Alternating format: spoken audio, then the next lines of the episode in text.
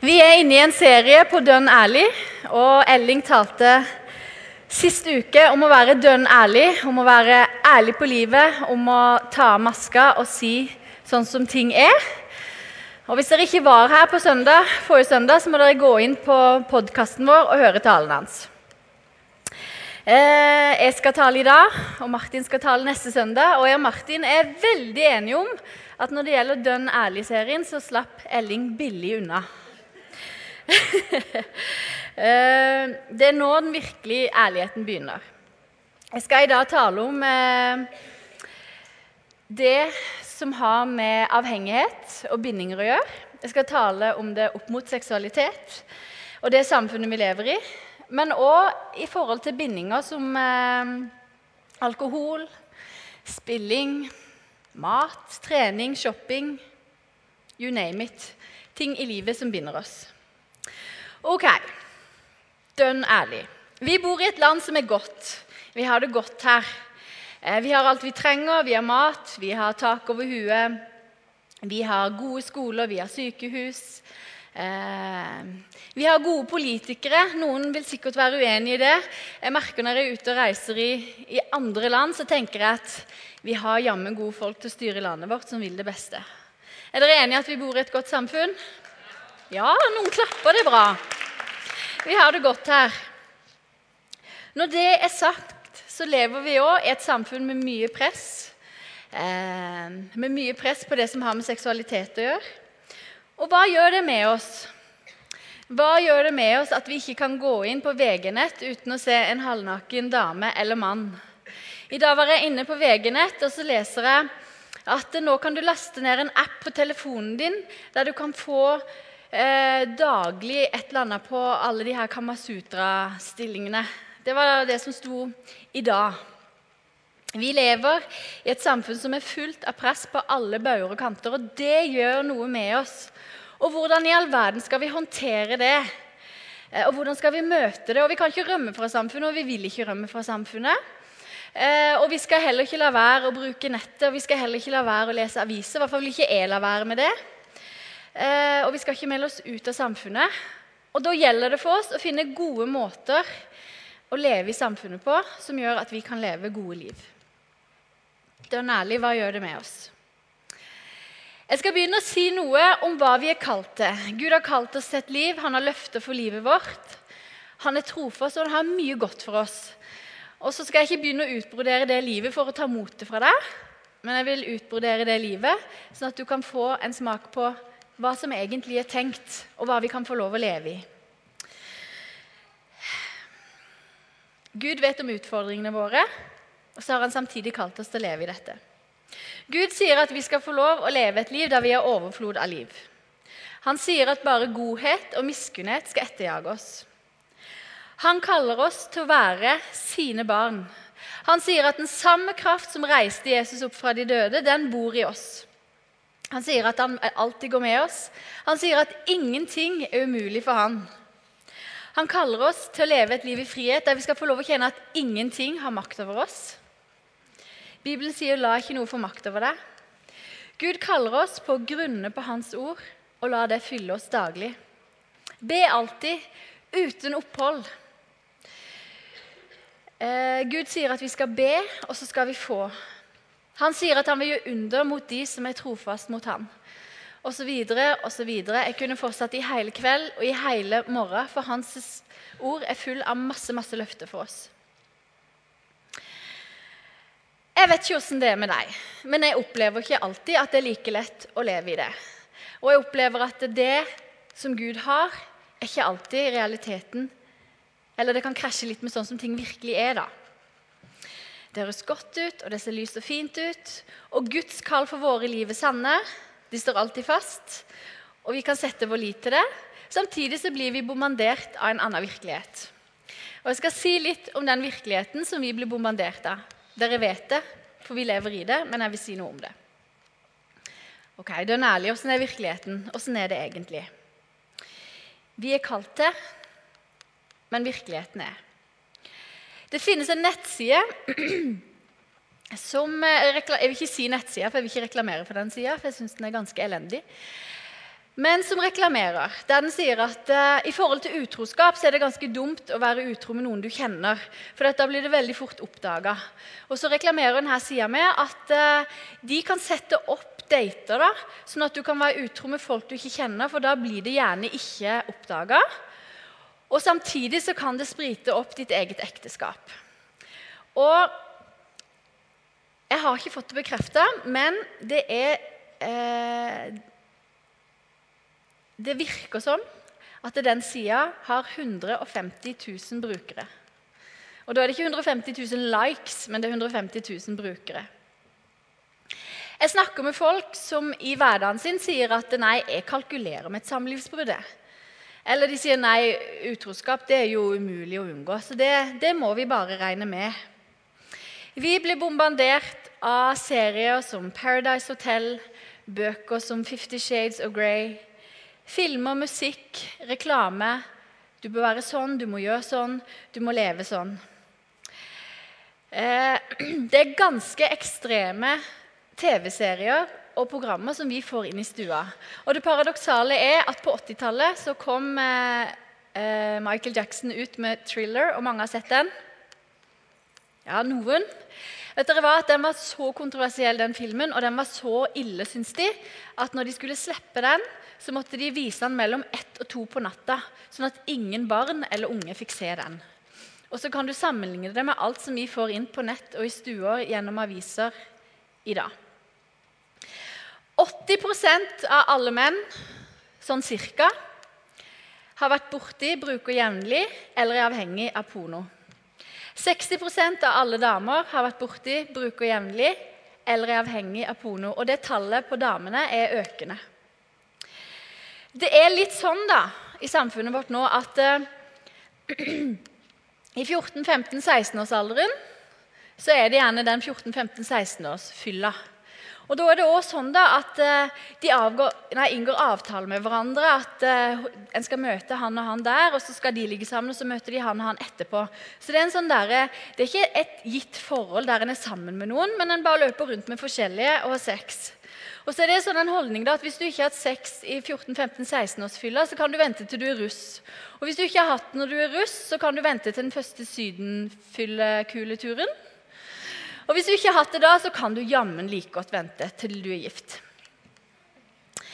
Porno er så lett tilgjengelig at vi må være kjempebevisst for å unngå det. For det kommer inn fra alle bauger og kanter, både skjult og åpen porno. Eh, og før så var det faktisk sånn at det fantes ikke Internett. Jeg har vokst opp i den tida. Vi klatra i trær når vi var små. Eh, og da var det sånn at Du måtte faktisk jobbe litt for å få tak i porno. Og Øystein han jobba i Akersgata på Lotte frukt og tobakk. Og Der solgte de bl.a. pornoblader inntil Øystein tok og konfronterte eieren. og Da slutta de å selge pornoblader.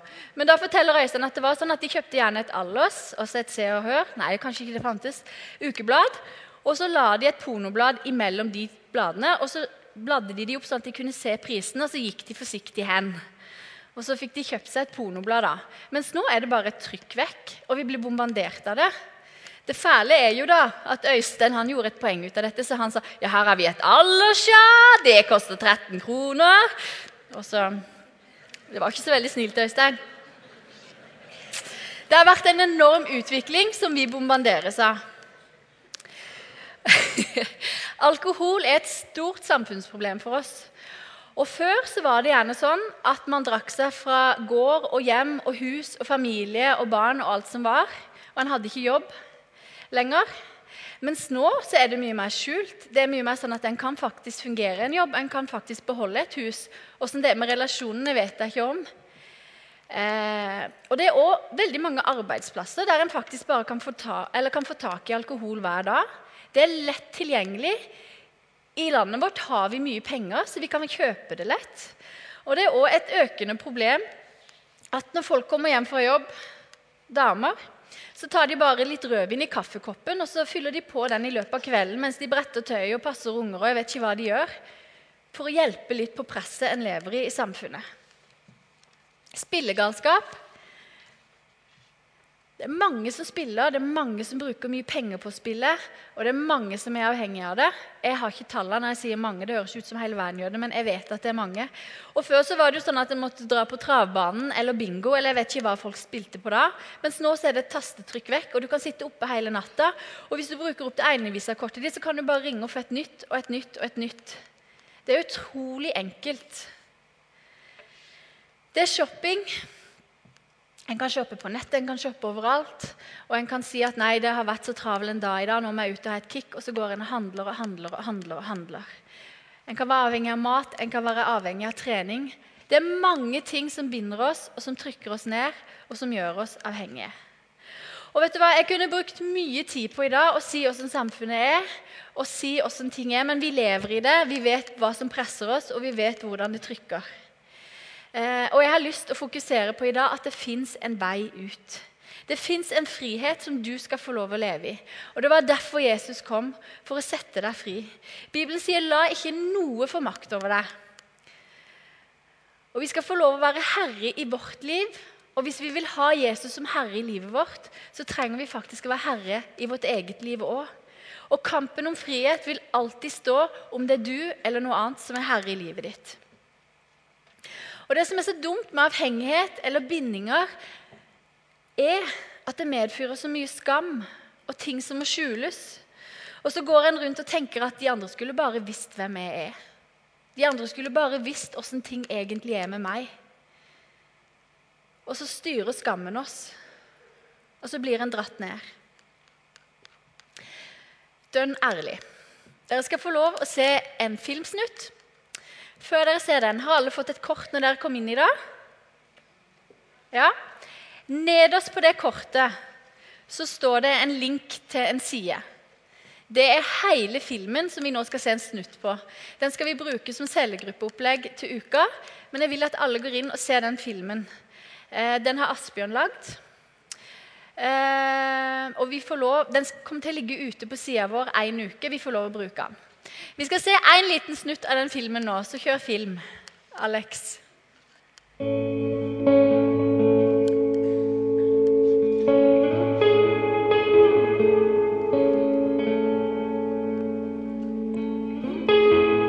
For å komme opp der. Så jeg bare takker Jimmy for at jeg får lov å komme her. Det er fort å gi, to wear, school to go. Det er mat og det er klær og skole kan gå på. Si det. Snakker så hardt bless you. Keep it nok.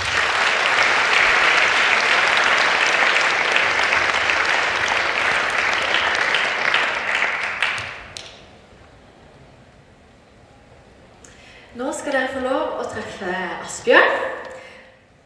Eh, er du klar? Han skal dele et vitnesbyrd eh, med oss. Det gleder jeg meg til å høre, Asbjørn. Eh,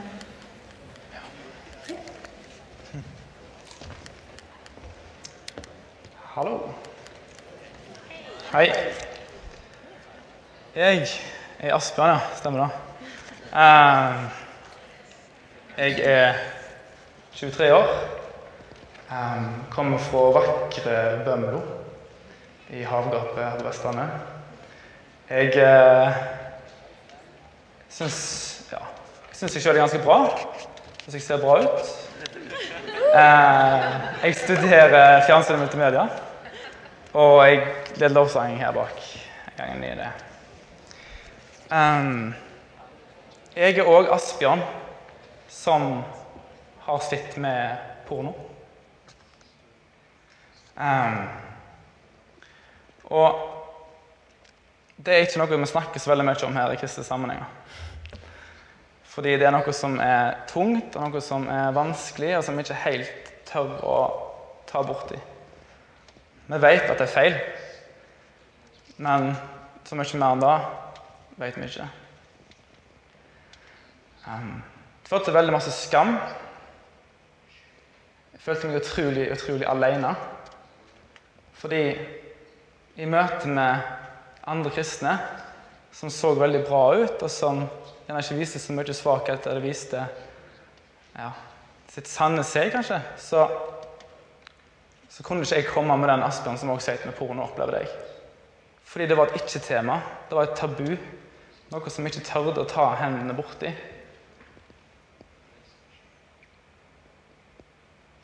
Og I møte med den fasaden så opplevde jeg at jeg kunne ikke komme med hele Asbjørn. Jeg kunne ikke komme med hele meg og vise mine styrker og mine svakheter.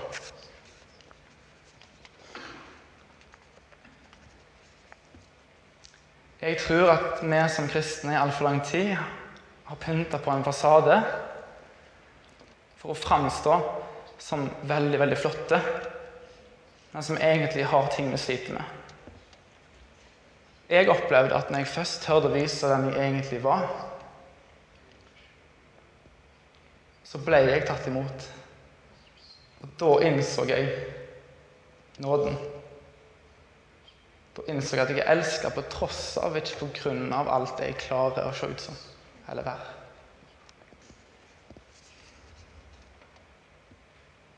Så jeg hadde et problem med porno.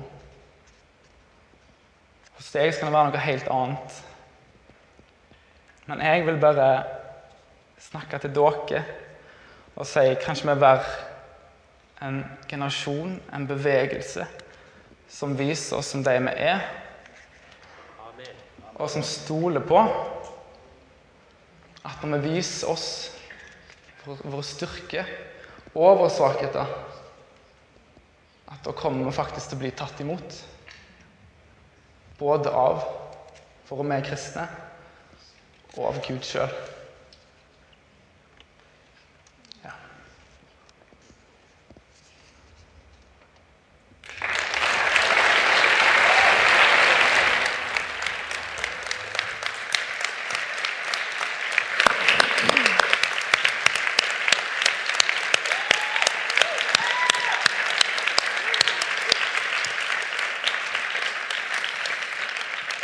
Asbjørn, du er en bra fyr.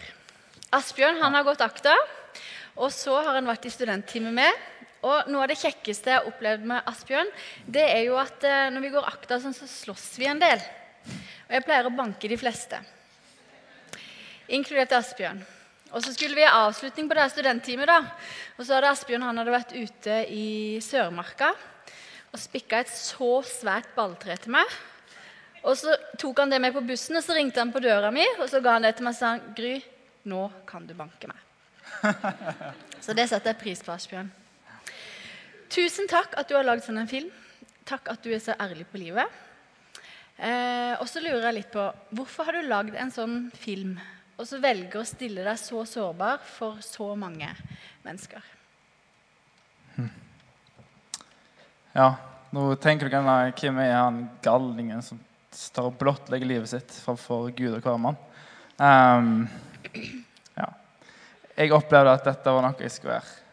Um, helt fra begynnelsen, da jeg begynte å få dette problemet og slite med dette, så, så visste jeg at det var feil. Jeg visste at det var ikke greit. Jeg visste at det kom ikke til å gjøre meg til en bedre ektemann eller en bedre venn. eller noen ting. Men det var utrolig vanskelig å være i det. Jeg visste at da kompisene mine sleit med det samme. Det var derfor de ikke tørde å, ta så mye tak i det når jeg, når jeg nevnte det til dem. Og da tenkte jeg at ok, kanskje jeg skal være en av de som setter ord på det, og som prøver å få åpenhet rundt dette. Um, og Det var ikke lett, men det er noe jeg opplevde rett og slett at jeg skal gjøre. Uh, for jeg tror ikke nøkkelen er for at alle skal komme opp her og si alt de har gjort. Men, uh, men for meg så har det blitt rett fordi jeg ønsker å, å vise at det går an å, å bli fri. Så bra. Hva var det verste for deg når du sto midt i det?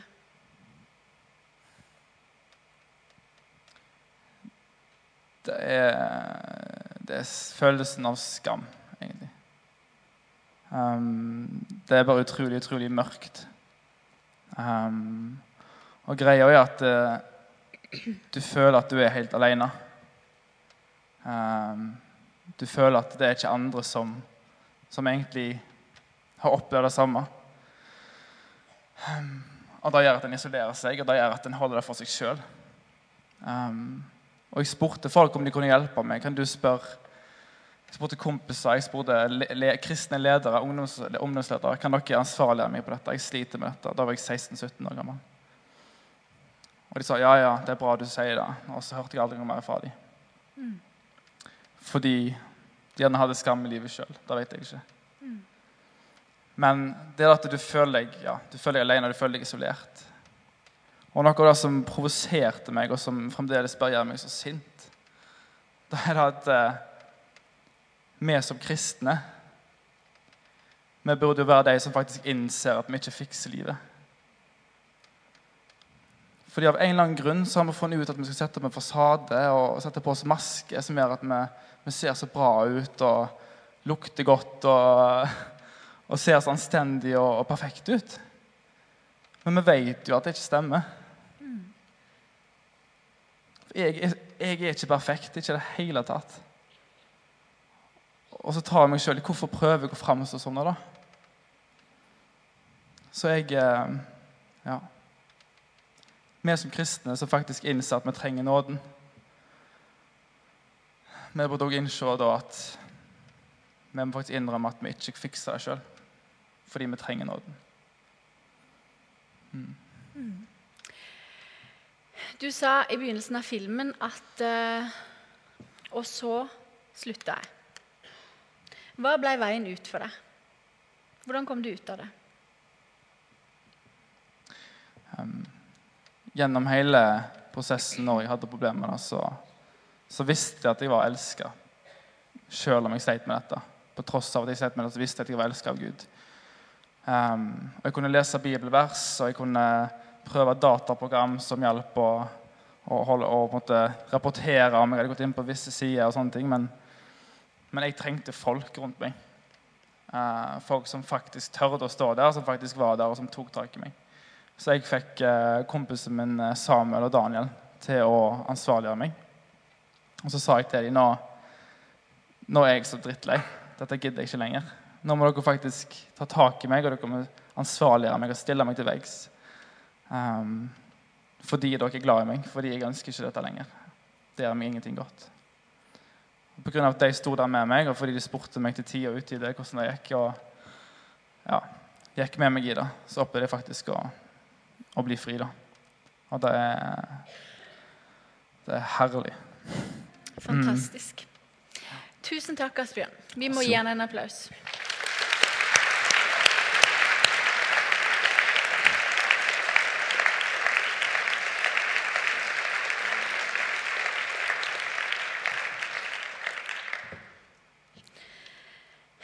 Asbjørn sier noe om at eh, når han innrømmer det, og når han sa det til folk og fikk hjelp, så var det som om trollet sprakk.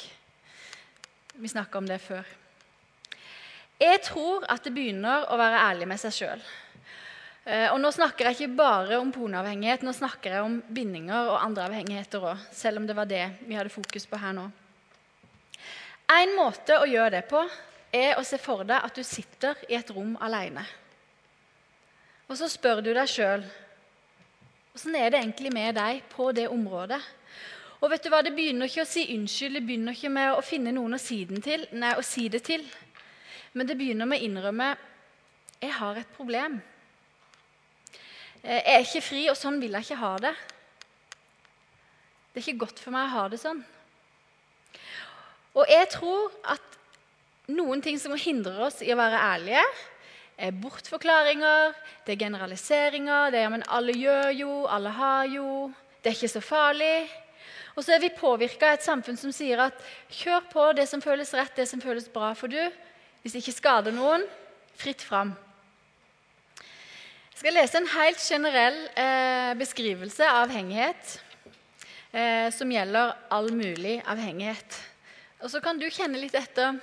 Er det noen punkt her som stemmer? Eh, ja. En sterk trang til å utøve aktiviteten. Manglende evne til å regulere aktiviteten, slik man bruker mer tid enn tenkt. Starter når man har bestemt seg for å avstå, eller at man stadig prøver å slutte uten å klare det.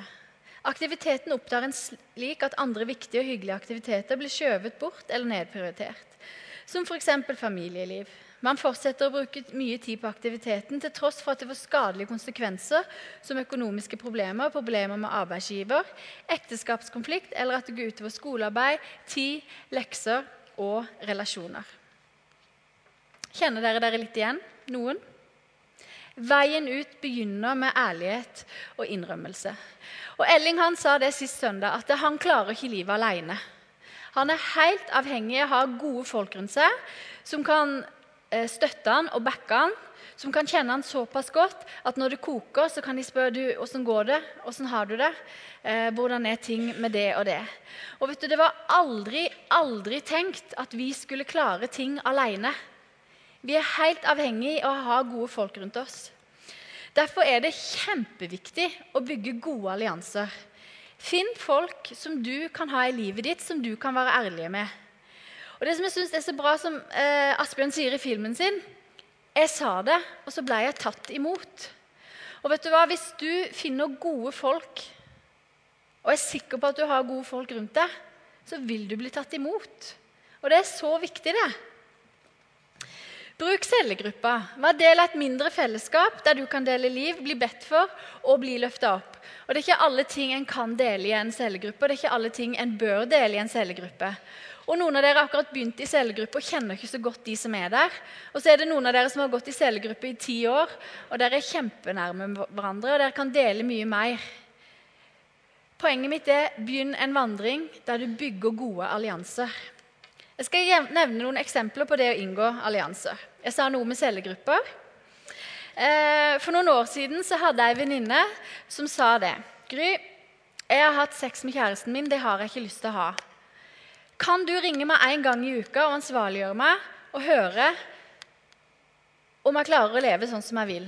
Og hun sa det at det at hun visste at jeg kom til å ringe på mandagen eller når jeg enn ringte, det gjorde at hun bare tenkte nei, det der orker jeg ikke å skulle svare på. Det ble en løsning for henne. Jeg ble fortalt av en Akta-elev for noen år siden, Akta-student, for noen år siden, som sa det at eh, når han kom på Akta, så hadde han eh, problemer med pornografi. Og Utover året så ble han så desperat på å komme ut av det, så han ba en medelev om å gå inn på rommet hans klokka ti på Mosvangen og ta ut laptopen. Og så fortalte han meg på slutten av året at det ble veien hans ut av det. At han fikk noen gode folk rundt seg som kunne hjelpe han i det. Jeg har ikke på noen som helst måte lyst å ta lett på det her som har med avhengighet å gjøre. Og jeg vet at for noen så er det en lang vei ut. En må kanskje ha profesjonell hjelp. Og jeg skjønner at det er ikke bare å ringe en venn, så er alt i orden. Men for de fleste her inne for de fleste av oss her inne så er de tingene jeg har nevnt nå, en veldig god vei å gå. Du kommer ikke ut av noe hvis du ikke bruker disiplin. Du må bruke masse disiplin, disiplin, disiplin. og du må bestemme deg. Du må bruke viljestyrke. Og på dette området i livet ditt, hva enn det gjelder, så må du faktisk bygge muskler. Og det å bygge muskler er hardt arbeid, og det tar mye, mye tid. Et annet godt tips er at eh, for noen år siden så var Martin med noen studenter og mellomlanda i Amsterdam. Og så var de med en misjonær, og da var de innom noe som heter Red Light District. Som er eh, et strøk der du kan gå og du kan kjøpe masse sex i bauger og alle bauger og kanter. Og Der står de utstilt i vinduer, da, så kan du se hva du har lyst på, og så kan du kjøpe det. Og Så spurte Martin hvordan i all verden forholder dere dere til dette? Og Så sier hun misjonæren at uh, det er én ting som er kjempeviktig. Og det er 'don't look twice'. Uh, og etter er noen år siden han fortalte det, så har jeg tenkt det er jammen en viktig regel å ha på mange ting i livet. Både når det gjelder nettet, når det gjelder avhengighet på, på mange måter. Don't look twice. Ikke se to ganger. Ikke stå opp. Ikke la ting få makt over deg. Ikke sitt og dvel ved ting. Eh, fristelser er ikke synd. Jesus ble frista. Men hva gjør du med fristelsen? Igjen, vi må nødt til å bygge muskler. Vi må bygge på vennskap, vi må bygge på ansvarliggjøring, vi må inngå allianser. Vi må lese Guds ord. Og så er det en god prosess som vil ta oss inn i mye frihet og en god utvikling. Og så har jeg et spørsmål til deg. Fyller du opp livet ditt med vanskelige ting som gjør livet vanskelig å leve? Eller fyller du opp livet ditt med gode ting som gjør at livet ditt blir bra? For det er faktisk et valg du har. Fyller du opp livet ditt med vanskelige ting som gjør livet vanskelig å leve? Eller fyller du opp livet ditt med gode ting som hjelper deg å leve godt? Nå kommer jeg til den delen av talen som jeg liker aller, aller best. For her kommer det masse håp og masse frihet og masse nåde. Og Jeg innleder med å si at du er kalt til å leve et liv i frihet. Og I Bibelen står det at hvis Sønnen får satt deg fri, så blir du virkelig fri. Og Jesus kom for å sette deg fri, og når han døde på korset, så tok han din synd. Og han tilga deg for at du skulle få lov å leve i en frihet. Og når han døde for deg på korset, så var det fordi han så at du klarte det ikke alene. Jesus visste det at vi klarer det ikke. Og når Jesus ser på deg, så står han ikke der med en sånn pekefinger og rister litt sånn oppgitt på huet og så sier 'Hva er det du holder på med?' Hva i all verden er det du driver med? Det er ikke sånn Jesus er. Men når Jesus ser på deg, så ser han på deg som et barn som han er veldig glad i. Og så strekker han ut hendene sine som er naglemerka, og så sier han at det var nettopp for deg. Det var fordi at ikke du klarte det jeg kom. Og så sier han at eh, om du hadde vært det eneste mennesket på jorda, så hadde han gjort det samme for bare deg. Om og om igjen. Og Det som er så bra med Jesus, er at han inviterer du til å komme sånn som du er.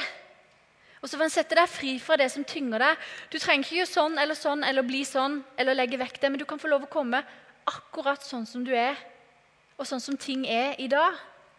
Og Det er det som er så dumt med synden og med skammen, at det, det trekker oss vekk fra Jesus.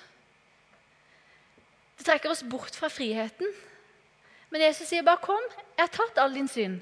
Jeg tilgir deg. Det var derfor jeg kom. Og Ofte er det fokus på alt vi skal slutte med, alt vi skal ta et oppgjør med, og alt vi skal bli kvitt. Og Så kan vi av og til stå i fare eh, for å gjøre omvendelsen til en prestasjon.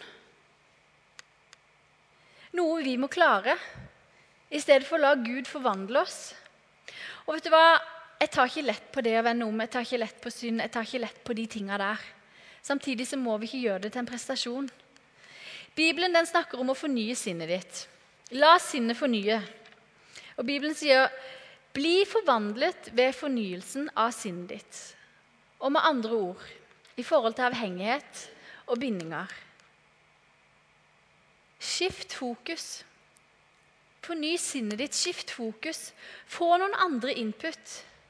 Jesus sier 'søk mitt ansikt'. Og jeg synes Det er fantastisk å høre Martin fortalte for et par uker siden vi satt og pratet, så sa han det at eh, de siste seks-sju ukene har vært tøffe. Irene har vært inne og hatt en uh, hjerteoperasjon som er alvorlig. Han har opplevd mye trøkk, både på jobb uh, og i livet generelt. Og så sier han at det som blir mitt svar på trøkket, det blir å ha små lapper med bibelvers. Så når jeg setter meg i bilen, så tar jeg fram en lapp der det står 'Min nåde er nok for deg'. Og Når han kjører bilen, så lar han det verset gå igjen og igjen. 'Min nåde er nok for deg'. Min nåde er nok for deg. Og Når han legger seg om kvelden og kjenner at bekymringen og frykten kommer, så tar han fram en lapp der det står 'Frykt ikke, for jeg er med deg'. Og Så holder han på å si det igjen og igjen og igjen. Og igjen. Og Så blir vitnesbyrdet til Martin at det, Irene var gjennom den operasjonen. Det var heise når det sto på. Trøkket er der. Situasjonen er den samme. Men Guds ord forvandler sinnet. Sånn at han blir forvandla, og han kan stå i det. Og så tar ikke frykten han. Så tar ikke frykten han. Og så kan han få lov å gå gjennom de seks ukene ved at sinnet hans fornyes gjennom Guds ord. Bibelen snakker om å avvikle det gamle ved å ikle det nye. Og Da kan vi slippe av fokus på alt vi skal slutte med, og så kan vi heller ha fokus på det nye vi skal få lov å begynne med. Jesus sier 'jeg skaper noe nytt'. Gud har kjempelyst å sette deg fri. Og Han ønsker et godt liv for deg, og han vil hjelpe deg i dette. Og så er det litt sånn at forfallet, det går av seg sjøl. Forfallet i oss, det går av seg sjøl. Men det vi vil ha, det må vi kjempe for. Vær våken og bestem deg. Så bestem deg for at jeg skal inn i noe nytt. Jeg skal la Guds ord forvandle tankene mine. Og jeg skal inngå gode allianser. Og Hvis dere ser på den lappen som ble delt ut når dere kom inn, så står det masse bibelvers. Og De bibelversene kan du få lov å fylle deg med. De kan du få lov å lese, og de kan du få lov å la skifte ut den virkeligheten som er. Ved å skifte sinn så blir det mer enn å slutte med ting. En kan glede seg over det nye en skal gå inn i. Og ved å inngå gode allianser der du får hjelp og blir ansvarliggjort, så kan din historie bli dette. Dette kan bli din historie. Dønn ærlig. Jeg skal fortelle åssen det går med meg. I går spilte jeg ikke vekk 10 000, men jeg gikk inn i et vers som holdt meg fast. Og så merker jeg at trøkket på spilleavhengigheten slipper taket. Det kan bli din historie. Og så har jeg lyst til å si mens jeg går mot avslutning, at det, det kan godt hende at du kjenner at nei, jeg er ikke avhengig eller borti porno. Jeg kan ikke se noen usunne bindinger i mitt liv eh, og lever et ganske godt liv. Jeg kan ikke se, se, at dette gjelder så veldig meg. Men så har jeg lyst til å utfordre deg. Hvor er du på vei hen med livet ditt? Fyller du livet ditt med det som er godt, og det som tar deg på en riktig vei? Eller leker du litt med ilden og er litt på vei ned en vei som du kanskje vet innerst innerst inne at dette kommer ikke til å føre meg noe godt sted? Og det er kjempeviktig. Så vel som å komme ut av noe som ikke er bra for en, så er det vel så viktig å ikke gå en vei der en kommer inn i noe som ikke er bra for en. Jeg har lyst til at Du skal legge handa på maven og så skal du få lov å kjenne langt, langt, langt, langt ned i maven din. Så vil jeg at du skal få lov å kjenne at du er et godt menneske. Og vet du hva, Det kan hende at du sliter med ting som ikke du burde. Eller at ting har fått makt over deg som ikke burde ha fått makt over deg. Og Det er en sannhet du må få tak i. Men det er òg en sannhet at du er et godt menneske. At du er et godt, godt menneske. Og at du ønsker å leve et godt liv. Og vet du hva? La det bli sannheten om ditt liv. At du er et bra menneske. At du er en god person. Og så sliter du med noen ting du ønsker forandring i. Og så kan du la fordømmelsen, og så kan du la mørket gå. Og Jeg lever i to vers. Det første er Romerne 8,1. Der står det så er det da ingen fordømmelse for den som er Jesus Kristus. Og vet du hva? Det benytter jeg meg av nesten hver dag. Jeg gidder jammen ikke å leve i fordømmelsen. Jesus han kom for å sette oss fri fra fordømmelse. og Det er ingen fordømmelse for den som er Jesus Kristus. Den onde han kommer for å stjele og for å ødelegge og for å trykke oss ned og for å prøve å få oss til å leve i fordømmelsen men jeg tar et valg om å leve i nåden hver dag. Det andre bibelverset er Mikas 7, 8. Og Der står det.: Gled ikke over meg, min fiende. Faller jeg, står jeg opp igjen. Lever jeg i mørket, er Herren mitt lys. Og vet du hva? Det er jo et valg jeg tar. At om jeg snubler om jeg faller, for n-te gang så blir jeg ikke liggende der i min egen selvmedlidenhet og i fordømmelsen, men jeg reiser meg igjen og igjen. Og grunnen til at jeg reiser meg, er at det var nok det Jesus gjorde på korset. Det var nok det Jesus gjorde på korset, og han betalte en utrolig høy pris for at jeg kunne få lov å reise meg igjen og igjen og leve i nåden. Vi skal be. Jesus, jeg takker deg for at du kom, for at ikke vi klarte det. Og jeg takker deg, Jesus, for at du tok vekk all skam og all synd i våre liv. Og Jeg takker deg, Jesus, for at uh, det er ingenting vi sliter her inne med, som du ikke vil møte. Og Jesus, din kjærlighet er ikke redd for å bli skitten på hendene. Takk, Jesus, for at du møter oss akkurat der vi er i livet. Og så kommer du med nåde, og så kommer du med frihet, Jesus. Og når du tok vår synd, så var det ikke for å si at vi var så elendige mennesker.